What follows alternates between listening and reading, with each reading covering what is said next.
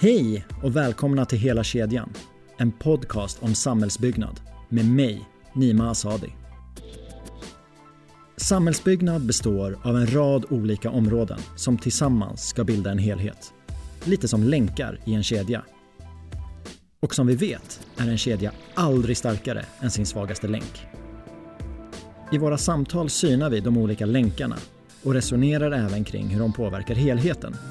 Vad ger egentligen bäst effekt och mest värde när vi summerar samhällsnyttan?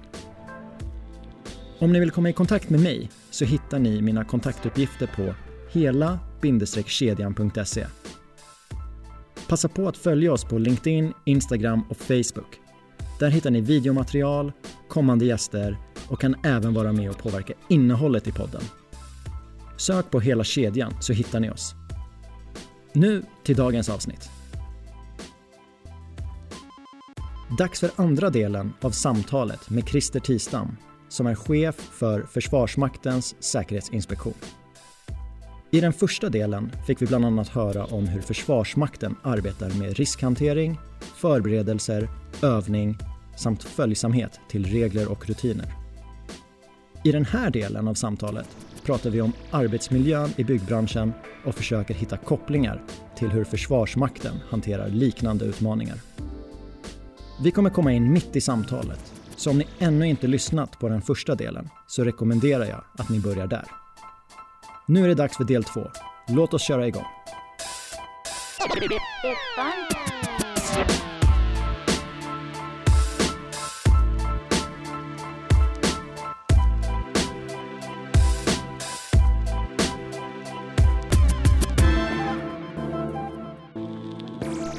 Anledningen till att jag tog upp det är ju för att, som jag nämnde, det här är en podd om samhällsbyggnad. Mm. Och eh, bakgrunden till att jag kontaktade Försvarsmakten var ju för att jag ville prata arbetsmiljö och säkerhet. Det sker betydligt fler olyckor ute på våra byggarbetsplatser än vad det gör hos er. Sen kan man ju prata om att det är färre människor i Försvarsmakten än på byggarbetsplatserna. Ja, men jag tror att ni har farligare moment på första raden också. Så i andra delen av eh, det här samtalet så tänker jag att vi ska försöka få till en koppling till byggbranschen. Jag förstår. Jag ska göra mitt bästa. Min erfarenhet och det jag har, både det jag har upplevt och det jag har läst är att en hel del av olyckorna inom bygg beror på individuella avsteg eller misstag. Personen som föll från översta våningen hade inte kopplat in sin fallskyddslina till exempel. Annars hade han inte ramlat ner. Den andra personen som fick eh, hängande last över sig gick under den kopplade lasten trots att det finns instruktioner på att det ska du aldrig göra. Du ska alltid gå runt. Så vi har en avstegskultur. Jag kommer fråga dig igen. Ja. Ja, vi pratade om det i förra delen. Hur arbetar ni med att få bort avstegskulturen? För jag menar när man gör en övning. Jag vet om att mina chanser att dö eller skada mig under den här övningen, de är inte så stora. Så jag, jag kan ju känna mig säker på ett sätt. Men när jag lyssnar på dig så, vi gör inga avsteg. Vi kör på som att det är fullt allvar. Hur, hur arbetar ni med den säkerhetskulturen? Ja, det är ju att medvetandegöra vad som kan vara konsekvensen. Först utbildar vi. Rutinerna är de samma. Vi har pratat om det under några andra frågeställningar här. Rutinerna är de samma oavsett om jag är kille eller tjej, kort eller lång. Vi ger oss själva utbildningen för att. Sen medverkar man i ett övningsmoment. Då är det givet ett antal förhållanden som beskriver vilka säkerhetsbestämmelser vi har att följa. Och det viktiga är ju att ledarna, chefer, vi måste ju våga utöva kontroll. Det finns ju säkert de som försöker gena en kurva även i Försvarsmakten. Alltså det, det vore väl konstigt annars i, i också vår relativt stora organisation. Men det gäller att våga utöva kontrollen. Och när man väl ser något som är fel av något skäl så behöver ju inte det, det får inte förutses varje gång vår medveten handling. Men då måste man också våga rätta till. Och det finns ett förhållande till. Det är att allt ifrån att vara soldat eller övningsledare och våga säga ifrån. Stopp, stopp. Jag är inte riktigt säker på vad jag förväntas göra nu. Kan vi repetera det igen? Eller kan jag få öva en gång till först? Så jag våga, säga ifrån, våga säga att jag är inte riktigt, jag känner mig inte mogen för det här ännu. Får jag ju pröva igen, öva igen. Dels det, men att vi som leder momenten måste våga rätta till och säga ifrån. Lika viktigt. Och där ligger det. Och sen så i grunden så handlar det också om att vi har specifikt sån här vi har förevisningsdagar många gånger för unga soldater. Vilken verkan är det av ett eldanvapen? Så man förstår också, oj, det kan hända om jag nu skulle göra fel. Om jag nu själv skulle bli träffad eller det skulle bli fel så kan det bli en sån kraftig verkan av, av det vi håller på med. Och jag tror att de många gånger är ögonöppnare också för våra unga soldater. Att liksom bibehålla respekten för allvarligheten i det man förväntas göra. Medvetandegöra, utbilda, våga som utbildare avbryta och rätta till och våga som individ, även soldaterna, ska ges tryggheten att kunna säga ifrån. Löjtnant, löjtnant, jag känner mig inte riktigt säker nu. Kan vi inte få börja om? Och då måste löjtnanten också vara säker i sig själv. Så att denne, säger jag, att man avbryter övningsmomentet där och så övar man en gång till innan man gör det på ett skarpare vis. Där ligger, tror jag, klon. Våga rätta till. En utmaning vi har i branschen är ibland att du förväntas kunna massa när du är nyexad från skolan. Du tar din examen, kommer till din första arbetsplats och det är i en produktionsledning på ett byggprojekt. Du får ta hand om vissa moment. Det kan vara ganska mycket pengar inblandat i de momenten, men mm. också väldigt mycket arbetsmiljö och säkerhet. Och där förväntas du på något sätt kunna läsa igenom gamla arbetsberedningar. Men jag får inte den bilden av Försvarsmakten. Är det korrekt? I Försvarsmakten så är det på det sättet att eh, vi har ambitionen att den som genomför ett övningsmoment eller leder en, ett arbetsmoment. Den personen vet vad det är man genomför. Man har kunskap om det och man ska ha tränat för att göra det. Det gör ju att den människan känner sig trygg i att också rätta till folk som inte gör rätt. För de förstår momentet och kan och vet vad som ska utövas. Och eh, om vi uttrycker oss i byggtermer då. Vad är det vi ska producera nu? Vad ska genomföras nu? Eh, så i Försvarsmakten så, våra utbildare, de är kunniga själva i momentet. De har, det är klart att det kan finnas i något fall någon som har fått pröva sig första gången, men då är den eh, sannolikt har en med, ett medföljande befäl som, som kollar att allt går rätt till en handledare eller Eh, en fadder och vi använder lite olika uttryck beroende på vilka regementen vi är på. Men vi, vi har tydliga förhållanden som så att de övningsmoment man ska genomföra, de har man förmåga till som utbildare och man har i nästan alla avseenden genomfört dem själv någon gång. Som soldat. Och vi vågar säga till. Bär man då inte sin varselväst, om vi tar refererar till byggarbetsplatsen. Då kommer vi att, så att säga, korrigera så att det bärs. Det kommer att rättas till. För det är ju den andra delen i, i det hela. Det, det första är har vi rätt kompetens att göra den här ja. arbetsberedningen och säkerställa att vi följer lagar, regler, företagskrav, ja. god arbetsmiljö och att vi producerar ja. i, på ett säkert sätt. Det är en del. Och det andra är som du är inne på. Avsteg. Mm. Någon har inte på sig sin varselväst. Om det inträffar hos er, någon mm. har inte på sig sin varselväst, mm. då kommer det en tillrättavisning. Ja, så kan man säga. Vi, vi kommer att rätta till det. Vi kommer att se till så att alla bär likadan utrustning. Och för vissa moment ska det vara en utrustning som är också så att säga, av säkerhetskaraktär. Då, då är det ju än viktigare att det är helt rätt. Det som är styrkan med oss då, det är att i den militära organisationen så finns det lite olika nivåer på förbanden. Så att eh, man kan ju agera genom närmaste chef till den individen som gör fel. Christer gör fel, men jag har kanske en gruppchef. Då kan ju övningsledaren titta på min gruppchef och säga du, eh, Tistam har inte sitt kroppsskydd på sig, rätta till Tistam. Ja, så gör gruppchefen det. Då får ju den personen också agera och träna sig i sin chefsroll och hjälpa Tistam att göra rätt. Och det är så vi ska se det. Alltså vi ska se att vi hjälper individen att göra rätt. Men det bygger ju på att man har förståelse för vad den här skyddsutrustningen har för funktion och varför. Ja, men vad den har för funktion och varför. Det tycker jag är väldigt tydligt. Det är nog ingen som tvivlar på det, men ändå slarvas det. Och man kan korrigera. Säger att du korrigerar mig. Mm. Då sätter jag på mig min väst. Sen vänder du dig om och går därifrån. För Mm. du ska göra någonting annat. Mm. Då tar jag av mig den. Så kommer du tillbaka en halvtimme senare och ser att jag inte har på mig den. Mm. Vad händer då? Det här har ju aldrig inträffat för dig. Jag ser det på dig. Jo, jo, då, jo det kan, alltså, i något avseende kan det ha gjort det. Kanske inte med säkerhetsutrustning må hända, men kanske i något annat avseende. Eh, och jag menar, man behöver inte bara referera till sitt yrkesverksamma liv, man kan referera till hela livet. Här gäller det då att våga vara uthållig. I det ansvar som du har som utbildare, chef, så måste du våga vara uthållig. Då får man rätta till igen. Då kan man ju fundera kring, är det då någon som medvetet vägrar att göra rätt? Då kan man ju så att säga lyfta det förhållandet på ett annat vis. Då får man väl ha på något sätt något personligt samtal med denne då.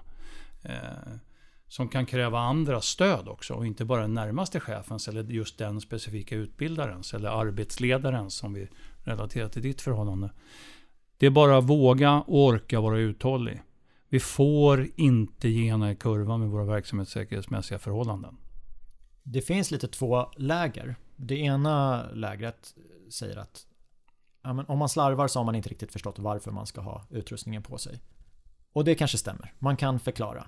Men när du har förklarat fyra fem gånger, det blir ganska tröttsamt. Mm. Och det sänder ju dessutom ut en signal på byggarbetsplatsen att kolla här. Jag har inte haft på mig min varselväst på hela veckan. Mm. Kommer undan ändå.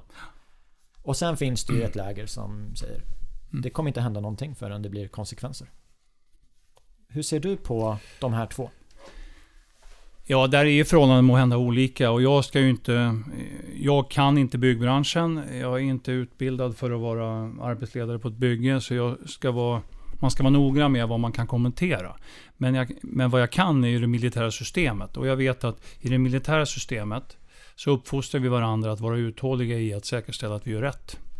Eh, och är det då fortsatt någon soldat, likt du säger nu för tredje, fjärde gången, helt plötsligt vägrar att, göra som man säger åt vederbörande att göra, ja, då, då får man väl ta den frågan till en annan nivå då, typ. Då kan det ju bli ett resonemang om disciplinära förhållanden. Om man vägrar ytterst att lyda order, då är ju det faktiskt ett brott mot vad förman anger. Va? Och då, då, då, ska vi, då skulle vi egentligen till den här diskussionen ta hit juridisk expertis, för det är inte jag. Men, men, men det kan man göra. Då kan man resonera kring disciplinär påföljd i det avseendet att vederbörande inte gör som man blir tillsagd. Eh, men uthållighet och visa att man själv kan. Det är det som är grunden i vår, eller, så att säga, vår metod för hur vi utbildar. För, för när soldaterna har fått lära sig hur man bär skyddsutrustningen, då har ju befälet visat hur det görs. Man går före, man bär allting, man visar soldaten så här fungerar det, så här gör man, ja det är tungt men jag bär den också. Och det är, det är där någonstans, så att säga, jag tror att kärnan i vårt ledarskap ligger. Det är att vi kan, vi vågar vara föregångsmän och föregångskvinnor och vi vågar också rätta till.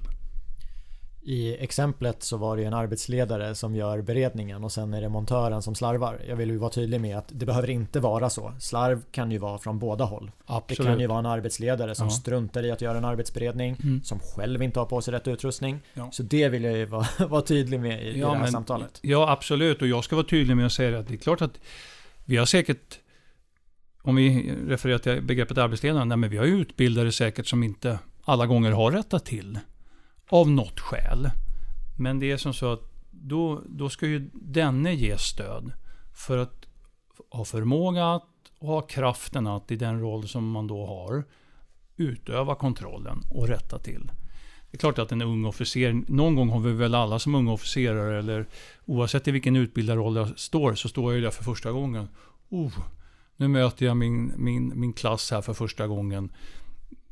Hur gör jag nu? Men vi försöker då ha en situation där vi har gett individerna så pass mycket grund, egen förmåga och kunskap. Och är det som så att man bedömer att första gången är vederbörande kanske lite osäker på sin sak. då försöker vi ha en fadder med på platsen som ser till att det inte blir fel. Inte minst ur säkerhetsperspektivet. Ibland kan jag uppleva att det finns en uppgivenhet när man är ute på ett projektbesök. Jag har ju äran att i mina uppdrag få besöka en hel del projekt. Ja. Det tycker jag är jättekul. Ja. Men på alla byggarbetsplatser så mm. får jag gå runt där i en halvtimme så mm. kommer jag att hitta flera avsteg. Både personlig utrustning men även hur det ser ut på arbetsplatsen. Ja. Och då kanske jag tar upp det med den jag går runt med. Mm. Hur kommer det sig att det har blivit så här? Och då möts jag ibland av en uppgivenhet. Ja, men jag har försökt säga till både person att ha mm. på sig varselväst eller att det ska sitta fallskyddsräcken. Och jag har även försökt ta upp det med min chef. Mm. Men det händer ingenting. Hur ska vi göra så att ja. vi inte hamnar där? Och jag vill koppla tillbaka till vårt förmöte. Ja. För då när jag pratade med dig om hur jobbar ni med säkerhet? Ja. Då nämnde ju du ledarskap. Så låt oss prata om, om det. Ja, gärna. Ja. Gärna. Ehm, och vi är återigen tillbaka också till eh, grunden i beteendevetenskap. Människan är ju av naturen lat. Och det, det, måste man vara medveten om. Och när vi utbildar oss själva som utbildare, då måste man också förstå hur en människa fungerar. Allt ifrån det här med att jag nu, måhända inte, det är inte skämtsamt, alltså i grunden vill ju människan ha det rätt bekvämt. Va? Ehm, och blir vi stressade rationaliserar vi, förenklar vi. Alla sådana här kunskaper måste man få till sig och det, det är ju det som också gör att vår chefsutbildning idag är så pass bred. Så att man också måste förstå individen man de facto ska ta hand om. Ehm, och, ehm, det är ju inte direkt svar på din fråga, men jag kan konstatera att man måste våga vara chef. Och ibland kan man uppfatta, är chef ett, alltså, är det ett obehagligt uttryck? För vi svänger ju gärna med ledare. Alltså, chef och ledare är ju samma sak. Alltså du har ett ansvar i din chefsroll.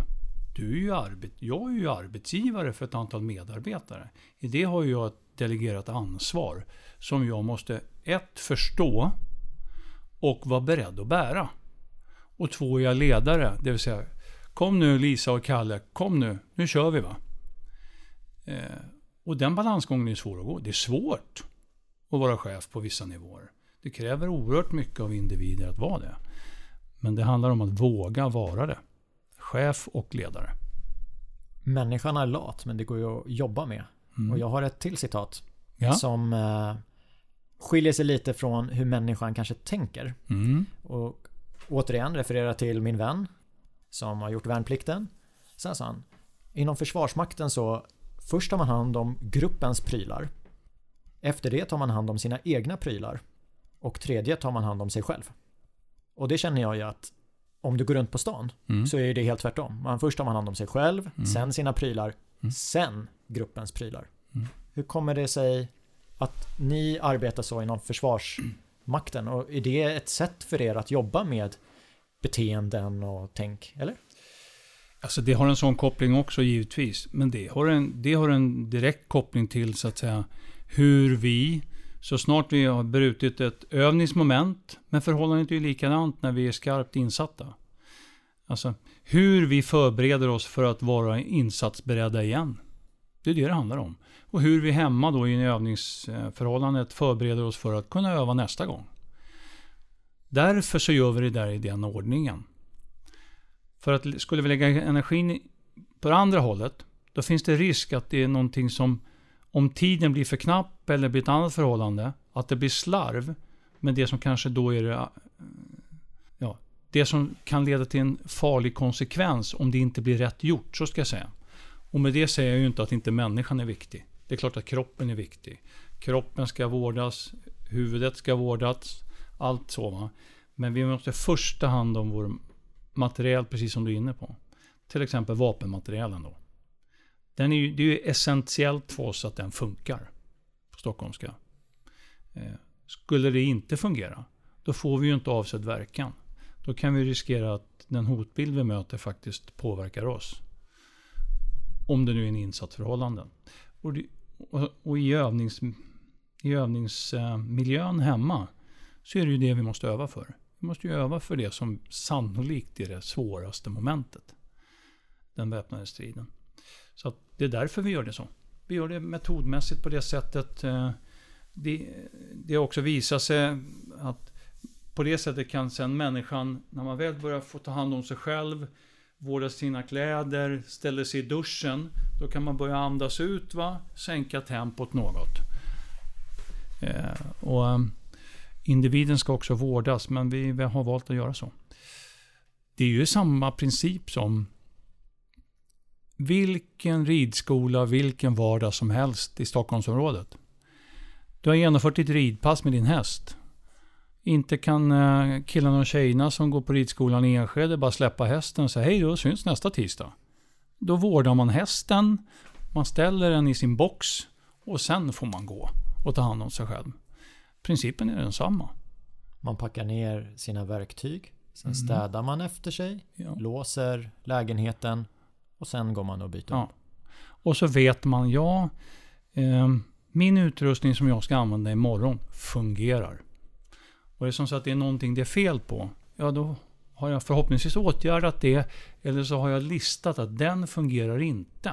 Så den ska vi inte ha med oss imorgon. För då kan vi ju riskera att försätta oss själva i en risk. Viktigt. Vi säger att jag ska starta ett projekt. Jag ska etablera en byggarbetsplats. Det här ska jag göra om en månad ungefär. Och eh, förutsättningen är att eh, det kommer att vara byggstaket runt hela arbetsplatsen. Och för att komma innanför staketet så är du tvungen att gå genom min eh, bodetablering. Och i min bodetablering så finns det ju massa skyltar med vad som gäller på den här byggarbetsplatsen. Men jag kommer ändå till dig för att jag har haft lite problem i mina tidigare projekt med att ha 100% följsamhet till arbetsplatsens rutiner och regler. Så kommer jag till dig och det är en till utmaning i det här. Det är att första veckan, då är vi 10 pers. Andra veckan är vi 20. Och det här kommer ticka uppåt mm. tills vi når ett max på 150 stycken. Så det här med att ha en jättestor genomgång för alla, den, mm. den, den blir ju svår. Mm. Men jag skulle ändå vilja ha lite tips från dig. Vad, mm. vad ska jag tänka på? För jag vill att det här ska bli grymt. Ja, vilka positiva utmaningar du ger mig Nima. Det är kul. Um, jag kan ju inte byggbranschen som jag sa förut. Men, men om vi nu försöker förhålla oss till, det, till hur att leda en arbetsgrupp då. Så är det på, på det sättet att de första du träffar. Och här, det blir också en koppling till vilka typer av arbetsuppgifter har de. Men om de första du träffar sen kan användas som generatorer relativt de andra. Ja, då, då handlar det om att du kanske kan ge de tio ett visst mått av eh, delegerat ansvar och mandat. Ni tio, jag vill att ni nu hjälper mig med särskilt de här två grejerna. Säkerställ att de har sin varselväst på sig, säkerställ att de har hjälmen på sig. Om ni fixar de två grejerna så kommer vi kollektivt kunna göra resten. Liksom, så kommer de andra delarna att kollektivt citat lösa sig själv. Det ingår inte i mina arbetsuppgifter. Vad får jag för det? Och det är det som är skillnaden relativt att jag jobbar i en statlig myndighet som ju inte på det sättet ska hantera en budgetram eller ett stort byggbolags behov av vinst kontra vad det kostar och hur lång tid det får ta. Eh, det är en stor det. dramatisk skillnad. Va? Och, och, och, det har jag respekt för. Samtidigt är det så att vi har ju också en produkt att leverera. Vi ska ju se till så att våra soldater tycker att det ger dem bra utbildning och att när de kommer till oss i 12 månader känner att det här var effektiv tid. Det här var en bra investerad tid för mig och jag tyckte att Försvarsmakten har skött sig väl. Det är, det är ett kapital att vårda i sig. Men att försöka ge Nima goda råd i den där situationen. Ja, jag kan som sagt inte byggbranschen, men jag skulle försöka jobba igenom de andra. Sen kan man då, får man ju då resonera om om det har med monetära termer att göra, varför de inte vill. Ehm, men det kan jag inte ge mig in i, för det, det kan jag inte. Ehm, utan jobba genom andra, att hjälpa andra och visa föregångspersonskapet i det där. Det, det, det skulle jag råda till. Jag tror att de flesta vill. Det kanske finns någon som inte vill. Sen mm. Eh, kan det ju vara olika vanor. Ja, och jag har ju förstått att byggbranschen idag, eh, det finns ju förmodligen stora utmaningar för byggbranschen eftersom man jobbar mycket med det här med underentreprenörer. Eh, jag vet att vi är från olika länder. Vi pratar inte ens samma språk på samma byggarbetsplats. Innanför det här staketet du beskrev. Så kanske till och med fler än två språk i perioder. Det måste vara jättetufft att vara arbetsledare och även kanske arbetstagare på en byggarbetsplats idag på ett sätt som jag tror få av oss förstår. Och då är vi ju tillbaks till att vi åtminstone med de som vi har normalt anställda i det företag där jag jobbar. Där står vi för samma värdegrund. Vad nu den är då i byggbranschen. Men vi bär rätt utrustning. Vi kommer i tid. Vi har en arbetsledare vars instruktioner vi förväntas följa. Punkt. Följsamhet från dag ett. Ja. Det, det är det, inte enklare än så. Nej, Eller svårare och, än så kanske. Och, och, alltså, vi sitter just nu norra delen av Gärdet och det är bara att titta sig omkring. Allting är en byggarbetsplats i Stockholm snart. Och det är klart att det är svårt att koordinera. Och det är då man måste våga uttrycka det. Också som arbetsgivare till sina arbetstagare. Ni har också, ni har inte bara rättigheter här. En arbetstagare har också skyldigheter. Viktigt att komma ihåg. Ja, det håller jag med om. Och ofta är det ju att eh, arbetsledaren på plats, den har ju inget personalansvar. Eller lagbasen på plats som är på eh, yrkesarbetarsidan. Mm. Han eller hon har ju inte personalansvaret på det ja, sättet. Mm. Och då är det viktigt att en chef med personalansvar mm. steppar upp. Mm. Och det var det du var inne på, det här att det är flera chefsled. Och det är viktigt att man stöttar varandra. Ja, och, och, och, och som sagt var, den strukturen i byggbranschen kan ju inte jag. Så jag ska inte ha direkta synpunkter på den. Men men det är som så att vi kan också av våra arbetstagare kräva lojalitet relativt den arbetsuppgift man är satt att följa. Det är därför man är anställd. Det är därför man får ersättning, lön. Då, man också, då uppbär man också skyldigheter, inte bara rättigheter. Jag blir ju taggad på att sätta igång det här projektet nu och testa och se hur bra det kan bli. För att jag tror ju att det kan bli hur bra som helst. Det tror jag med. Låt oss prata om machokultur. Okej. Okay. Det är en eh, het fråga i byggbranschen att mycket av olyckorna och eh, avsteg och liknande beror på machokulturen. Tänker jag, ja det är väldigt många fler män i byggbranschen. Mm. Men det är det hos er också. Hur jobbar ni med att inte ha en machokultur? Försvarsmakten är också en förhållandevis stor arbetsgivare. Så någonstans så finns det det säkert idag. Det har funnits, absolut. Eh, som jag sa, jag tillhör ju själv en något lite äldre generation. Så definitivt har jag sett det. Men vi jobbar ju med det utifrån några grundläggande delar som vi kallar för dels Försvarsmaktens värdegrund. Alla ska stå på den. Eh, vi har någonting vi kallar för uppförandekod. Det blev aktuellt specifikt när vi började vara utomlands ganska mycket. Code of Conduct. Vi tog hem det begreppet, ett internationellt begrepp, vi har använt själva sedan vår uppförandekod. Men det finns en Försvarsmaktens värdegrund, lika för alla. Och i det så är det ganska tydligt uttryckt att när jag förstår vad, det, vad den säger till mig så inser jag ju också att vi ska inte kränka varandra. Vi alla är, är värda den arbet... Alltså vi alla har ett värde på vår arbetsplats. Vi är lika värda. Sen är ju någon överbefälhavare och någon är någonting annat. Men det har vi också förhålla oss till. Och det betyder ändå inte att någon är stöddig eller dum mot någon annan.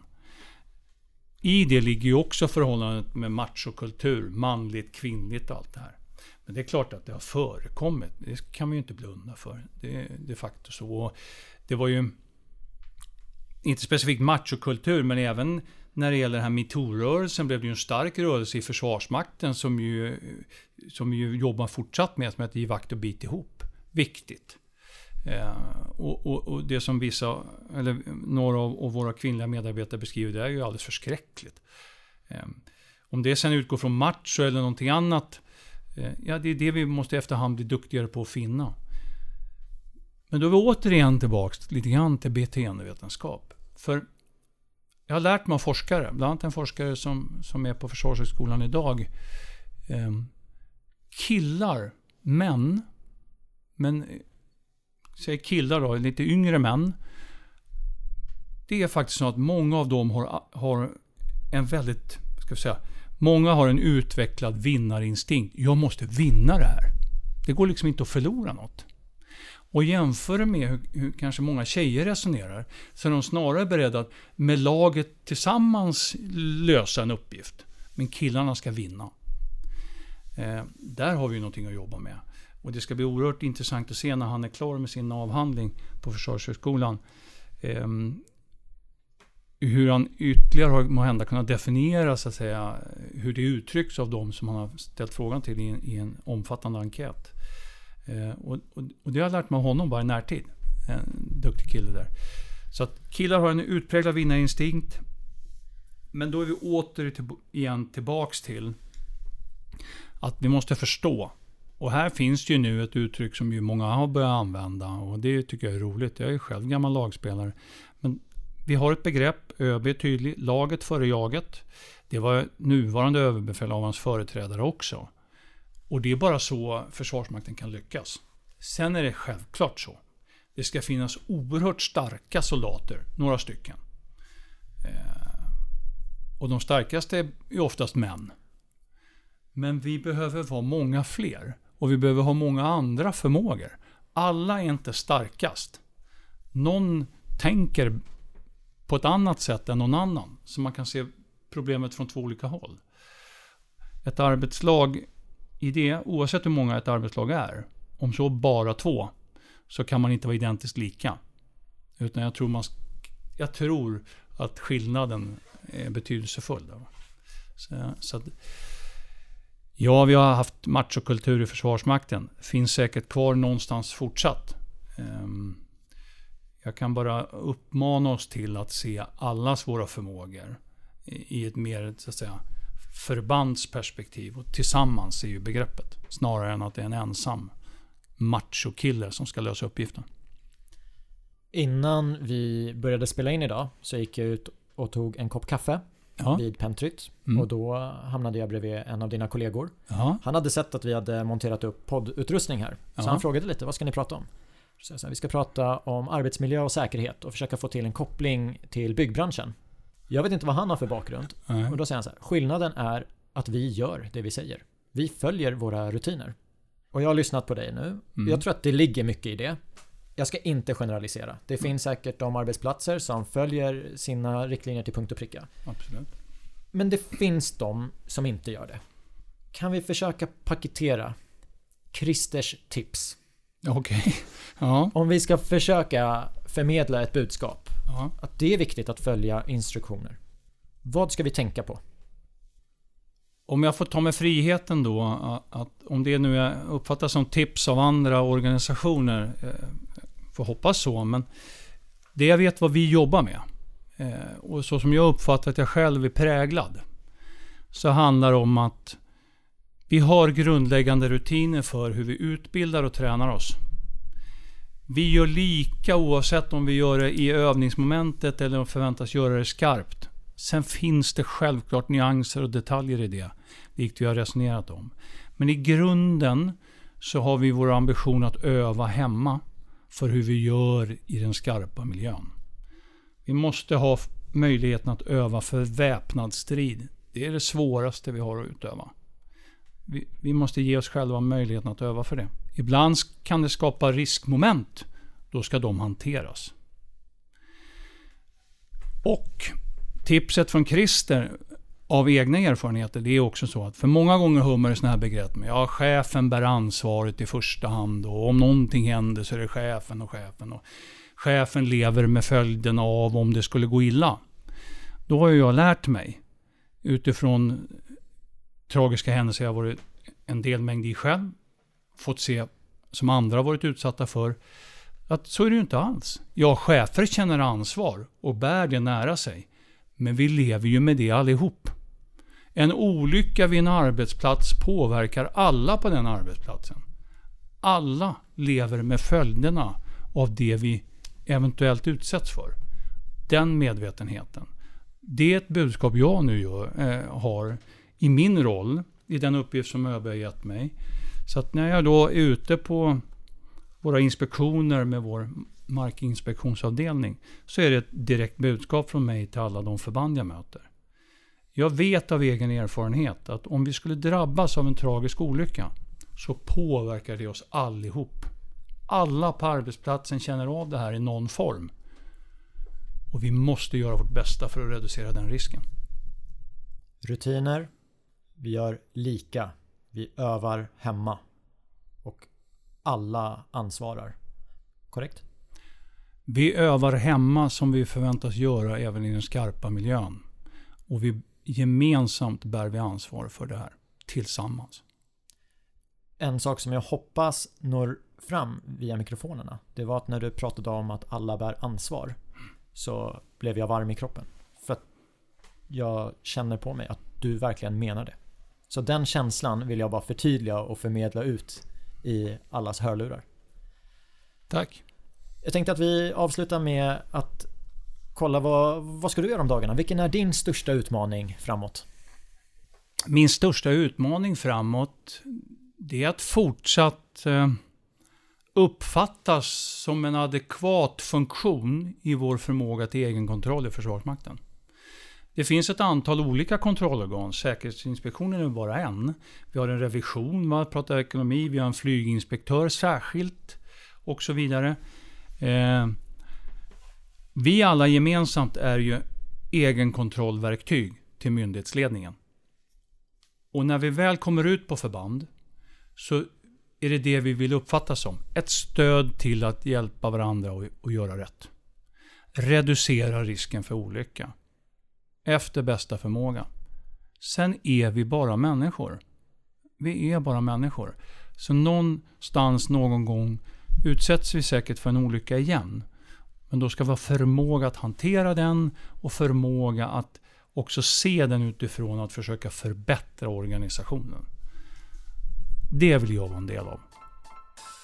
Stort tack för att du gästade podden Christer. Tack så hemskt mycket. It's bom.